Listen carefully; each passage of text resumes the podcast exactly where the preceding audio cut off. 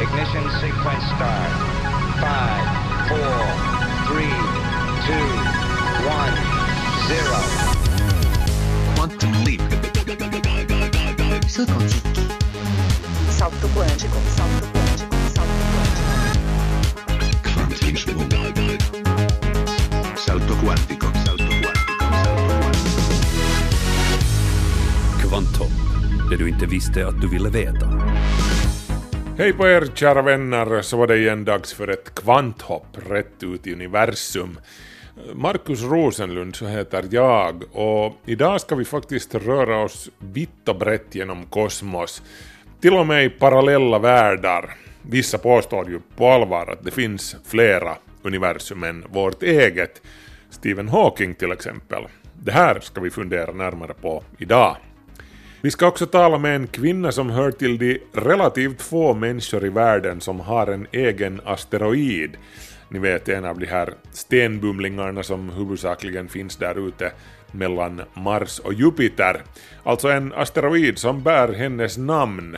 Asta Pellinen Vanberg heter hon och hon är professor i fysik vid universitetet i Umeå. Hon förärades helt nyligen med sin egen asteroid för sin forskning i meteorer, ni vet kärnfall. Med radar har hon forskat i dem. Eh, så jag måste fråga att när hon ser ett kärnfall om natten, önskar hon någonting då? Ja, det lärde jag mig som liten redan. Så. Jag, kan väl önska ibland lite mera, mera forskningsanslag eller något sånt där som en forskare kan fantisera. Så ska det handla om borrelios som kan vara en riktigt besvärlig sjukdom att diagnostisera eftersom symptomen kan vara så luddiga. Det finns ingen typisk, inte ens den där röda ringen. Men vi kan säga att har du en röd ring fyra veckor efter ett fästigbett som växer, så då är det till 80 procent med 80 i sannolikhet en borreliainfektion och då behandlar vi den. Så sade Dag Nyman, professor och specialist i inre medicin vid det åländska laboratoriet Bimelix.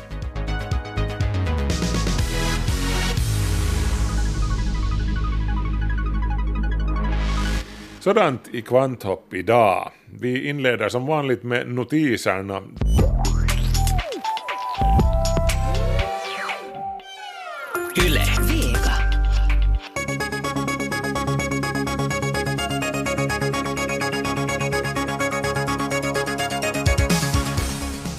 Är det här början till slutet på dieselmotorn? Nå, åtminstone för Volvos del.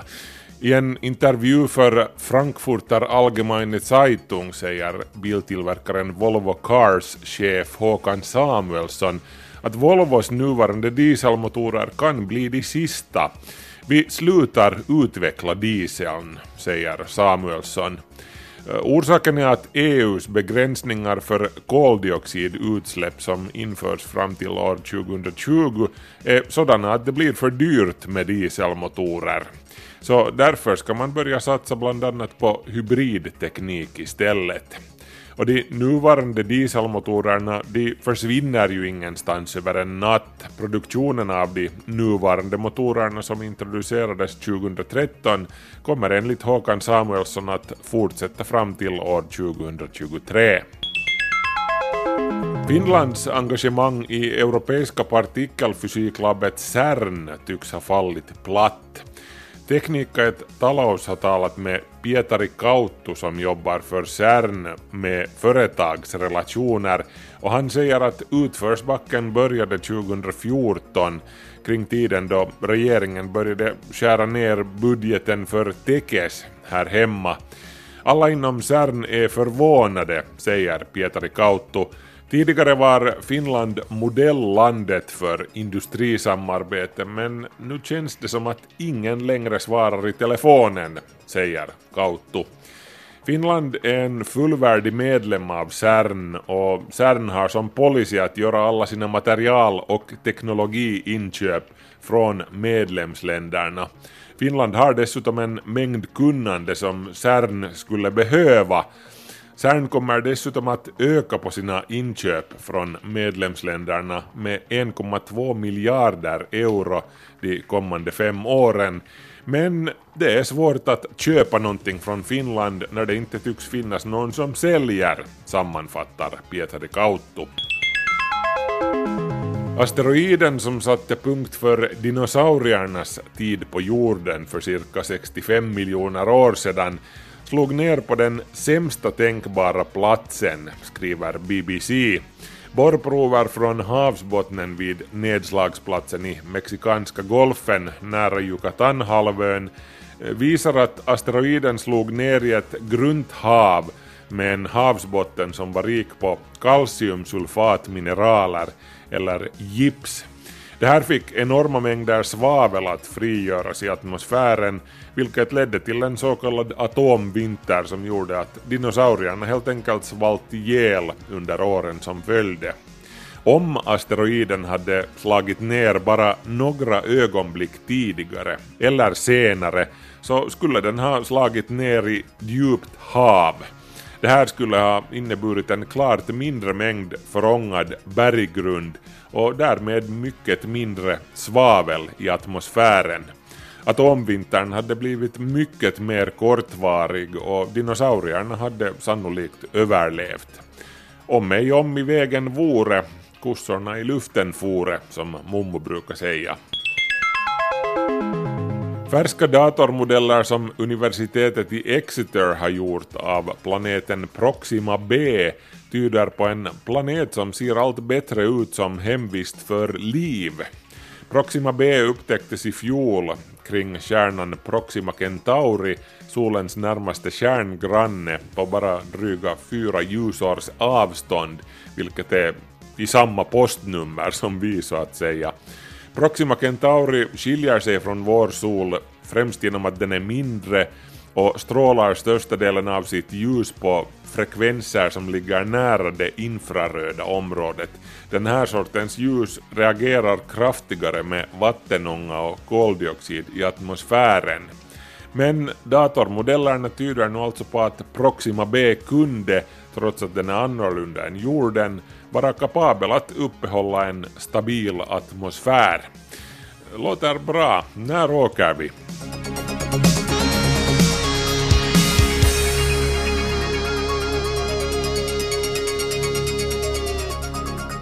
Kvanthopp, det du inte visste att du ville veta. Nobelpriset är ju den högsta hedersbetygelse som man kan få inom naturvetenskaperna. Därefter följer det att man får någonting uppkallat efter sig. En skalbaggsart, en elementarpartikel eller en, ja, en asteroid till exempel. Sverigefinländaren Asta Pellinen-Vanberg, professor i fysik vid Umeå universitet, fick häromdagen den sistnämnda äran då Internationella astronomiska unionen, eller IAU, belönade henne med asteroiden som nu heter 11807 Vanberg. Så vad tycker Asta Pellinen Vanberg om den enorma rymdstenen som nu bär hennes namn? Ja, den är ju den är bortanför Mars. Lite elliptisk bana och eh, den är ungefär 6 kilometer i diameter och dens omloppstidperiod är ungefär 5,3 år. Så mycket vet jag om den. Den upptäcktes första gången i Australien, Siding Spring-observatoriet i eh, 1981. Hur, hur vanligt är det att, att folk får uh, det här asteroider uppkallade efter sig? En hur stor ära är det? Ja, det är ju folk som sysslar då mest med de här små partiklarna i rymden. Och eh, ja, det är internationella astronomiska unionen som delar det här certifikatet och ger namnet då. Bland, eh, ofta på sådana här asteroids, komets, meteoroidsmöten och det här mötet var nu under påsken i Montevideo i Uruguay så jag ides inte åka dit. Men eh, det skulle kanske ha varit värt resan.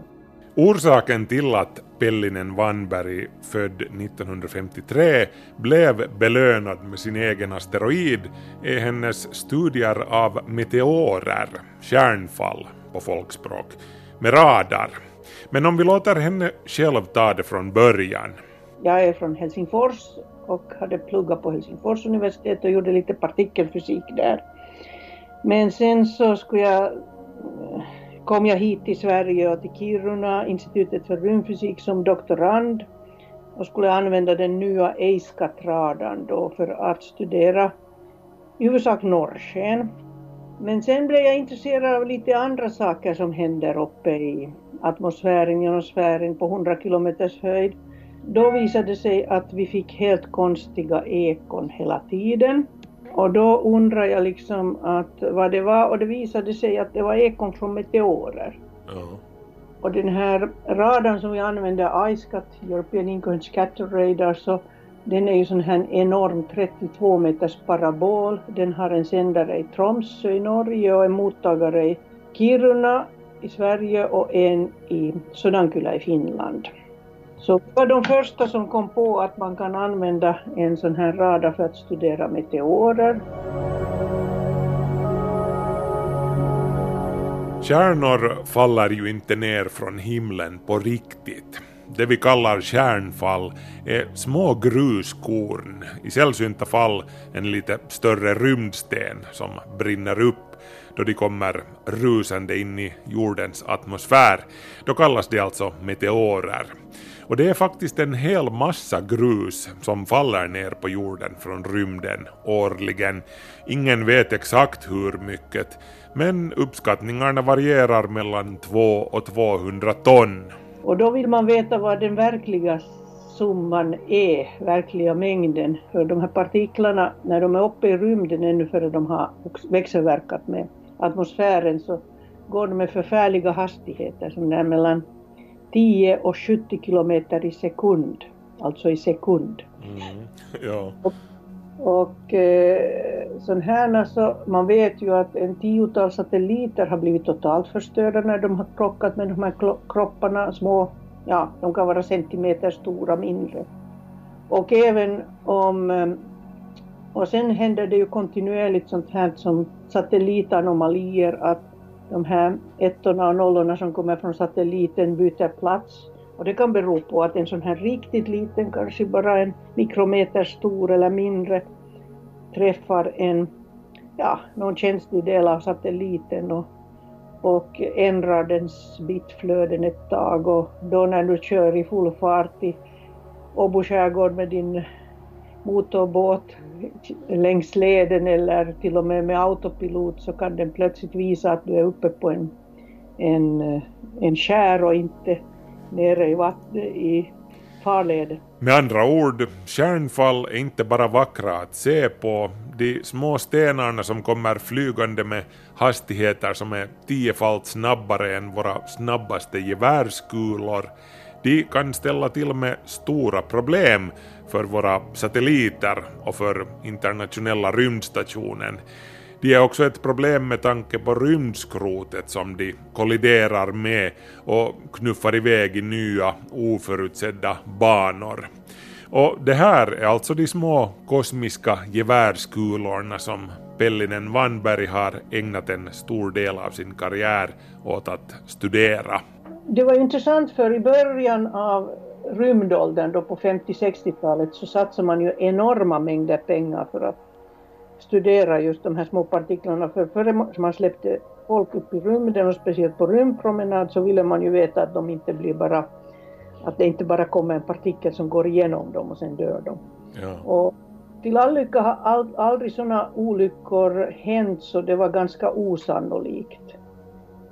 Eh, men nu har det blivit en het eh, ämne igen för att eh, just på grund av rymdskrot och sen att man har mera och mera infrastruktur och vi har ju byggt bort då sån infrastruktur som vi har haft tidigare på marken som, som till exempel sjöfarten och alla andra har tidigare litat sig på. Så man har nästan byggt bort det och litar bara på att satelliterna funkar alltid. Men nu var det ju inte ett gruskorn som Asta Pellinen Vanberg gav sitt namn åt, utan en asteroid, sex kilometer stor. Och asteroider är hon naturligtvis också intresserad av som astronom. Eh, största delen av asteroiderna finns lyckligtvis nog långt där ute i asteroidbältet mellan Mars och Jupiter. Men det finns de som irrar sig hit till våra trakter och de kan bli riktigt farliga om de kommer på kollisionskurs med jorden. Ja, det kom ju till Tjeljabinsk för några år sedan, men där dog ju ingen. Folk blev skadade när de gick till fönstret och kollade när tryckvågen slog fönstren in. Men det var en ganska liten, det var en sån där 16 meters Ja. asteroid och den kunde man inte ha sett med några metoder faktiskt ens några timmar innan. Så den kom från sån riktning och sån tid av dygnet så det var besvärligt. Men, men om det skulle ha slagit i, i en storstad så skulle eh, det ha kunnat vara förfärliga skador. Fråga bara dinosaurierna vad som kan hända när en av de här riktigt stora bumlingarna faller från skyn. Nej, just det, de finns ju inte här längre. Men sett ur vår synvinkel kunde det vara mycket värre numera. För lyckligtvis har vi de jättelika planeterna Jupiter och Saturnus där ute som suger upp det mesta omkringflygande bråtet med sin enorma tyngdkraft. Man brukar säga att om inte de skulle finnas så kan, skulle det bli sån här stor smäll på jorden var hundratusende år. Men som det är nu så händer det bara cirka var trettionde eller var sextionde miljoner år. Men nu, är det ju lite drygt 60, 60 miljoner år sedan förra gången när, när det slog ner en riktigt stor bumling. Börjar det vara dags igen då med andra ord? Ja, mera skulle jag, en asteroider skulle jag vara orolig för eh, kometer, för jorden går ju ungefär 100 gånger per år genom ett kometspår och då får vi meteorsvärmar. Om jorden skulle råka vara samtidigt som den kometen där på sitt spår, och kometen, så då skulle det bli en förfärlig krock. Till slut, Asta Pellinen Vanberg har alltså studerat meteorer, alltså kärnfall, i många år. Så jag måste ställa henne följande personliga fråga. Eh, när du ser ett kärnfall när du är på ledig eh, ute, ute och går en, en kärnklar natt och du ser ett, ett kärnfall, alltså en meteor, brukar du lägga in en, en önskan så som vanligt folk ofta gör? Ja, det lärde jag mig som liten redan så. Jag, jag kan väl önska ibland lite mera, mera forskningsanslag eller något sånt där som en forskare kan fantisera.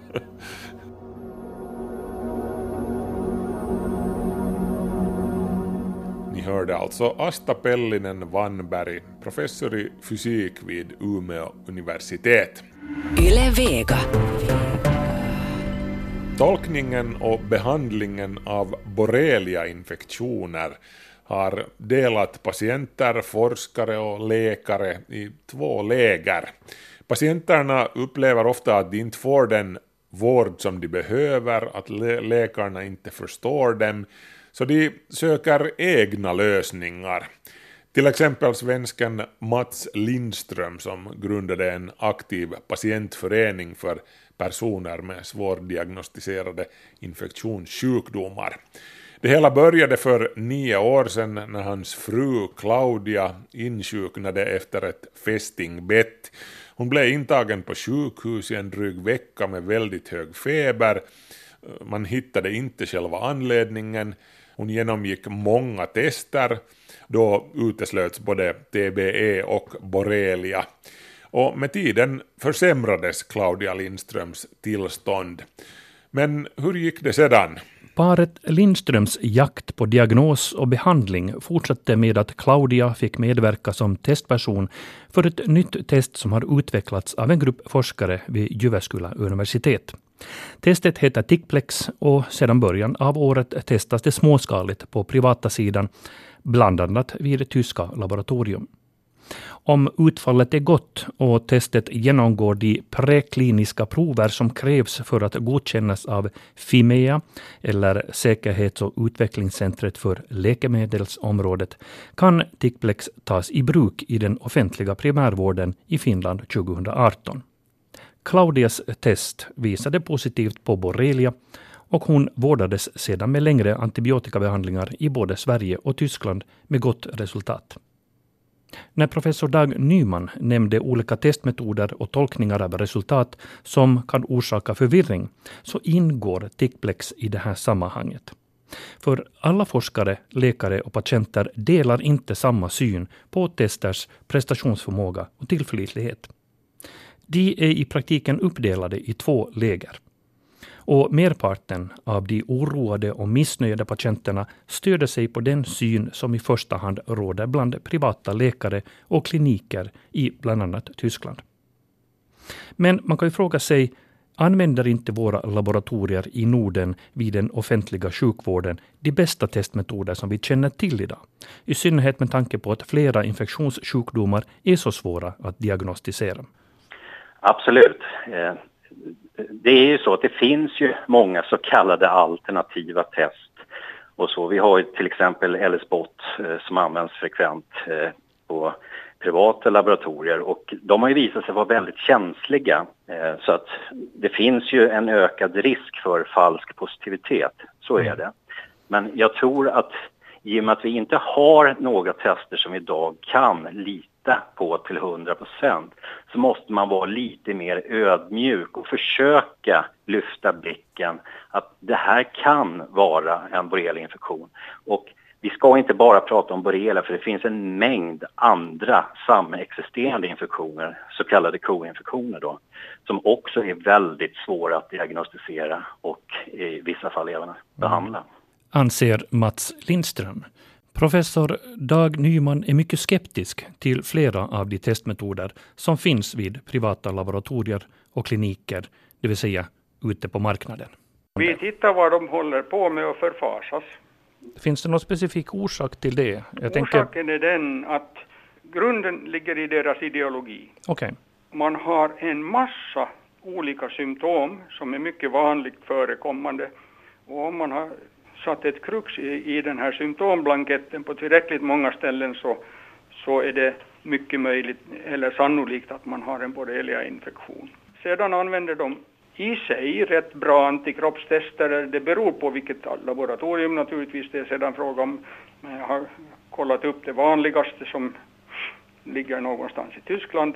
Mm. Och eh, i princip har de antikroppstester som fungerar väldigt bra. Därför det är inte deras egna, utan de köper dem också av någon annan. Men de tolkar, de tolkar det på ett helt eget sätt som inte, inte är överensstämmande med vad man vetenskapligt känner till.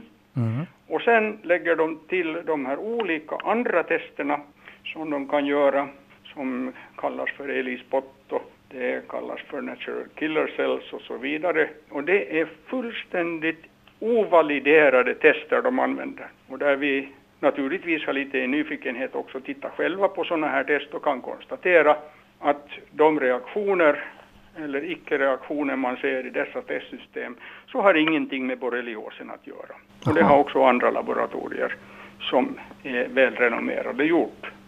Fast och det, det där sammanhänger med att man inte har någon guldstandard för diagnosen borrelios utan det kan lika gärna vara en reumatisk sjukdom eller, eller annan inflammatorisk sjukdom eller som ger symptomen och som sedan bara av får stämpeln borrelios genom att någon tycker att kliniskt så kan det ju vara borrelia. Och så råkar man ha en positiv antikropp, vilket inte betyder att man skulle vara sjuk.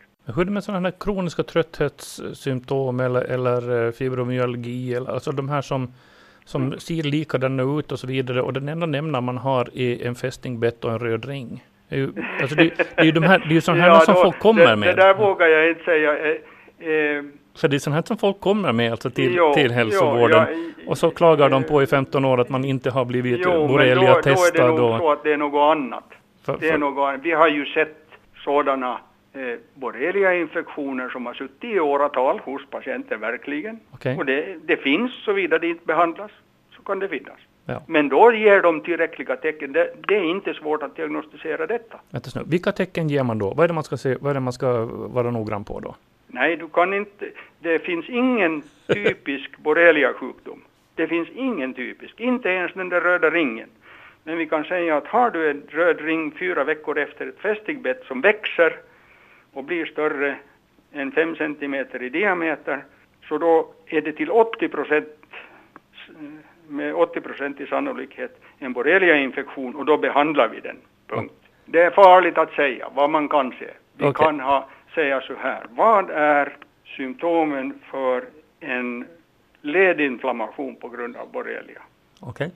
Det är en stor led som är kraftigt svullen och som varierar något. Det kan vara sämre under några dagar och så blir det några dagar bättre och så har du ett knä som är stort som en fotboll igen. Och det vanliga är att man då går och punkterar och tar ut vätska ur leden och så kommer det tillbaka lika mycket igen snabbt. Det där är typisk ledborrelios. Om du har en neuroborrelios så finns det två ord. Det finns en neuroborrelios som drabbar de perifera nerverna, alltså en känselnerv eller en rörelsenerv där funktionen faller bort. Till exempel man får en förlamning, ansiktsförlamningen exempelvis. Där ska man tänka på att det kan vara en borrelia. Men då är det en enstaka nerv som har fallit bort. Det är inte en sån här diffus bränning inte, i fötterna. Mm. Då är det något annat för det mesta.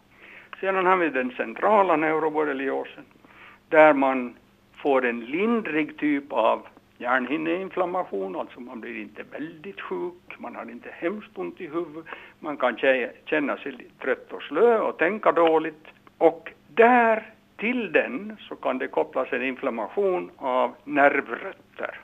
Och har man en nervrotsinflammation så då kan man ha typisk eh, nervverksbild som är fördelad i kroppen så som nervrötterna. Eh, att det passar till nerv, eh, respektive nervrötter.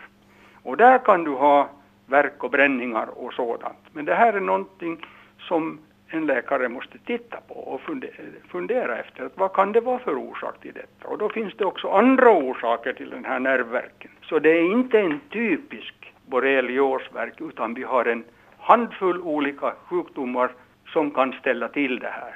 Man kan inte på ett symptom gå och säga att det här är borrelios utan du måste undersöka orsakerna och då ta med alla de orsak, orsaker som verkar sannolikt. Och det där är det viktiga. Det är inte bara att hugga på borreli, borrelian. En borrelia-infektion ger inga självklara symptom och bra testmetoder kan ge tillförlitliga resultat. Trots det skrev ett tjugotal av våra lyssnare berättelser om läkare som inte har kunnat ge diagnos eller velat låta ta borreliaprov eller väntat så länge att infektionen utvecklats till neuroborrelios. Skribenterna uttryckte också önskemål om längre behandlingstider med antibiotika, som ju faktiskt gav positivt resultat och mera livskvalitet till paret Mats och Claudia Lindström.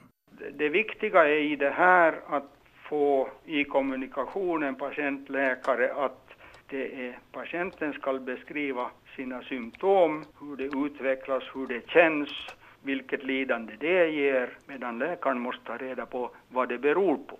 Patienten har nog i sig rätt när, den, när patienten beskriver sina symptom och hur det känns. Mm. Så då är det rätt. Kan, det, det kan man inte, inte sopa under mattan och säga att du har inget fel. Nej, och sen får man bara se vad det är som felas. Men, men vad är det för fel då? Då, då, då får man använda sin, sin kunskap och vidare. Du hörde Dag Nyman, professor och specialist i inre medicin vid det åländska laboratoriet Bimelix. Leo Gammals var det som intervjuade. Kvanthopp. Sikta mot stjärnorna.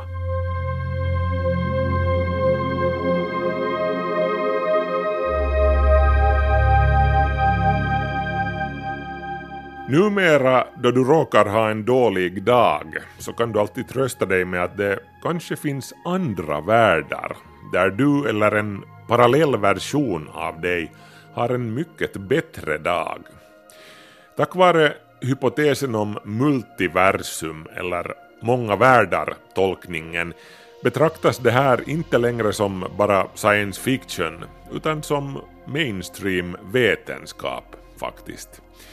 Så här kan det alltså gå till. Varje val du gör, varje steg du tar får verkligheten att delas i och nya världar att uppstå så att allt som någonsin kunde hända dig verkligen händer i någon av de oändligt många parallella världarna. Det finns med andra ord ett universum där jag just nu har ihop det med Scarlett Johansson och sitter på däcket till en lyxjakt i Karibien med en martini i handen. Eh, fast så finns det ju naturligtvis också flera andra universum där jag ligger i rännstenen och halsar en flaska Gambina eller universum där jag inte existerar överhuvudtaget. Men folk tenderar att understryka de här dejta filmstjärnor lyxvärldarna när de dryftar många världar-hypotesen. Hur det nu kommer sig så är Donald Trump sällan president i de här versionerna av vår värld.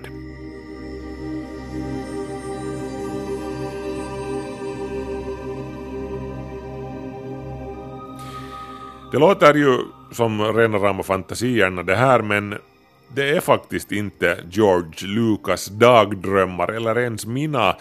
Det här är en gammal och fullt vedertagen och vid det här laget mainstream tolkning av den moderna fysiken, framförallt kvantfysiken. Och allt började i Dublin 1952 när den österrikiska fysikern nobelpristagaren Erwin Schrödinger, han med katten, ni vet, höll en föreläsning där han varnade sin publik för att det som jag kommer att säga härnäst kan verka galet. Och han skämtade inte. Schrödinger menade att om man följer hans beräkningar, hans Nobelvinnande ekvationer, så kommer man att inse att de beskriver ett flertal olika historier som inte är alternativ till varandra utan som händer samtidigt och parallellt. Det här var första gången som multiversum omnämndes utanför fiktionen och på den vägen är vi. Det finns till och med de som påstår att vi nu kan bevisa att vårt universum inte är det enda The Guardian publicerade helt nyligen en artikel med rubriken Multiverse have astronomers found evidence of parallel universes. Rubriken hänvisar till en ny vändning i ett gammalt mysterium rörande en köldanomali i den kosmiska bakgrundsstrålningen, den kalla fläcken i universum, ett till synes ovanligt tomt och kallt område i rymden cirka 10 miljarder ljusår härifrån.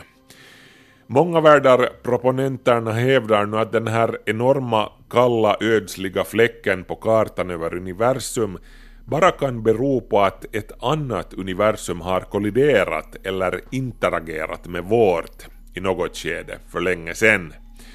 Och ett forskarteam som i dagarna presenterade sina slutsatser inför brittiska Royal Astronomical Society påstår nu att det finns svart på vitt. Multiversum kan vara verklighet.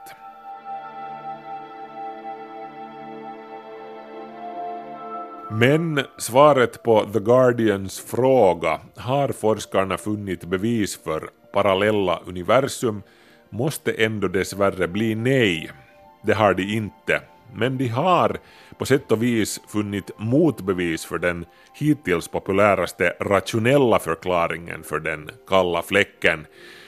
Och då återstår bara de mindre rationella förklaringarna av vilka multiversumhypotesen faktiskt är en. De har, kan man hävda, gjort det lite svårare att avfärda multiversum som fria fantasier vilket rent intuitivt ligger nära till hands för många. Men dessvärre för rationalisterna så funkar universum inte helt intuitivt och rationellt. Speciellt inte på den nivån som kvantmekaniken beskriver. Själva verkligheten tycks ofta vara ute och cykla. Det är kanske inte så konstigt då att hypoteserna som beskriver den också är det. Som det här med hur partiklar, som elektroner till exempel, tycks befinna sig på flera olika ställen samtidigt och inte förrän någon observerar dem bestämmer de sig för var de ska vara. Det här säger anhängarna till kvantmekanikens många världar tolkning som i stora drag formulerades av Hugh Everett 1957 beror på att de i sitt normaltillstånd befinner sig i alla tänkbara världar samtidigt och visar sig i vår version av världen först då någon tittar på dem här. Skyll inte på mig. Ta upp det här med Stephen Hawking, Brian Greene, Michio Kaku, Neil deGrasse Tyson och David Deutsch för att räkna upp några av vetenskapens rockstjärnor som omfattar någon av de rådande multiversumhypoteserna. För de är många nämligen. Precis som det enligt förespråkarna finns många universum finns det också många, många universumhypoteser. Förstår ni? En som har kategoriserat de här i någonting som har blivit standardkatalogen över flervärldshypoteserna är den svensk-amerikanska fysikern och kosmologen Max Tegmark. Enligt honom finns det fyra nivåer i multiversum-taxonomin. Nivå 1 en oändlig samling universum som existerar som volymer inom en och samma, inom citat, oändliga kosmiska bokhylla, alla med samma naturlagar och begränsningar. Nivå 2, ett oändligt antal separata bubblor av universum, alla med sina egna naturlagar och begränsningar. Nivå 3, ett nytt universum skapas för varje enskild händelse som inträffar. Ett där Hitler vann andra världskriget, ett där John F Kennedy aldrig blev skjuten och förstås ett där dinosaurierna aldrig dog ut. Och så vidare och så vidare i all oändlighet. Kvantmekanikens många världar tolkning faller just under den här rubriken. Och så nivå 4, Tegmarks egen variant. För varje sak som kunde ha hänt så skapas det miljontals nya universum, alla med olika upplägg. Det här är förstås bara ett utskrap, en kort introduktion till multiversumhypotesen som är nästan lika luddig och med lika många grenar som mängden världar som den påstår sig beskriva. Som sagt så finns det saker och ting i verkligheten, besynnerligheter i fysiken som till synes kunde få en tillfredsställande förklaring med hjälp av multiversumhypotesen. Verkligheten beter sig konstigt, speciellt inom kvantmekanikens domäner. Einstein själv tyckte att kvantmekanikerna var från vettet, att de skulle ha fel kunde han däremot aldrig bevisa. Tvärtom faktiskt. Nåjo, men allt det här låter ju väldigt spännande och fascinerande men vill vi att det här ska vara science och inte science fiction så är vi tyvärr tvungna att medge att det inte finns några konkreta bevis för att andra universum existerar. Multiversum är fortfarande mer filosofi än naturvetenskap. Framförallt så stupar det hela på en av den vetenskapliga metodens mest kritiska punkter. Hypotesen om multiversum är inte falsifierbar. Det går inte att beskriva ett sammanhang där påståendet om multiversum är falskt. Eh, jag tar ett exempel här. Påståendet alla svanar är vita är falsifierbart. Det gäller som Karl Popper sade, bara att observera en enda svart svan och så var det med den saken. Och jag såg själv med egna ögon en svart svan för några veckor sedan när jag var i Australien. Däremot påståendet alla människor gillar dansbandsmusik, de som påstår att de inte gör det ljuger. Det påståendet är inte falsifierbart. Lika lite som påståendet Gud existerar eller det finns en parallell värld där jag vann Eurovision Song Contest i lördags.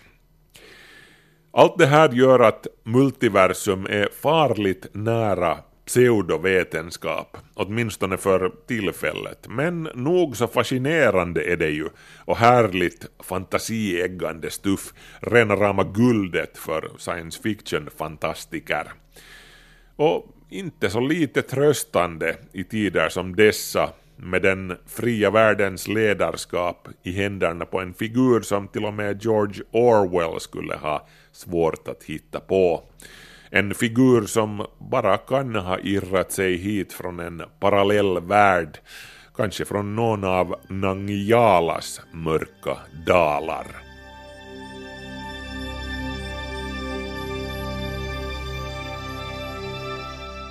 Nåja hörni, kära vänner, det börjar vara dags för mig, det vill säga Markus Rosenlund, att tacka för sällskapet för den här gången.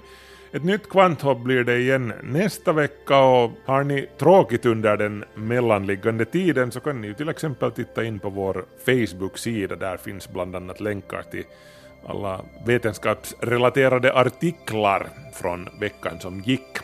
Men nu är det alltså dags att tacka för sällskapet, ha en trevlig fortsättning på dagen här på kanalen och vi hörs. Hej så länge!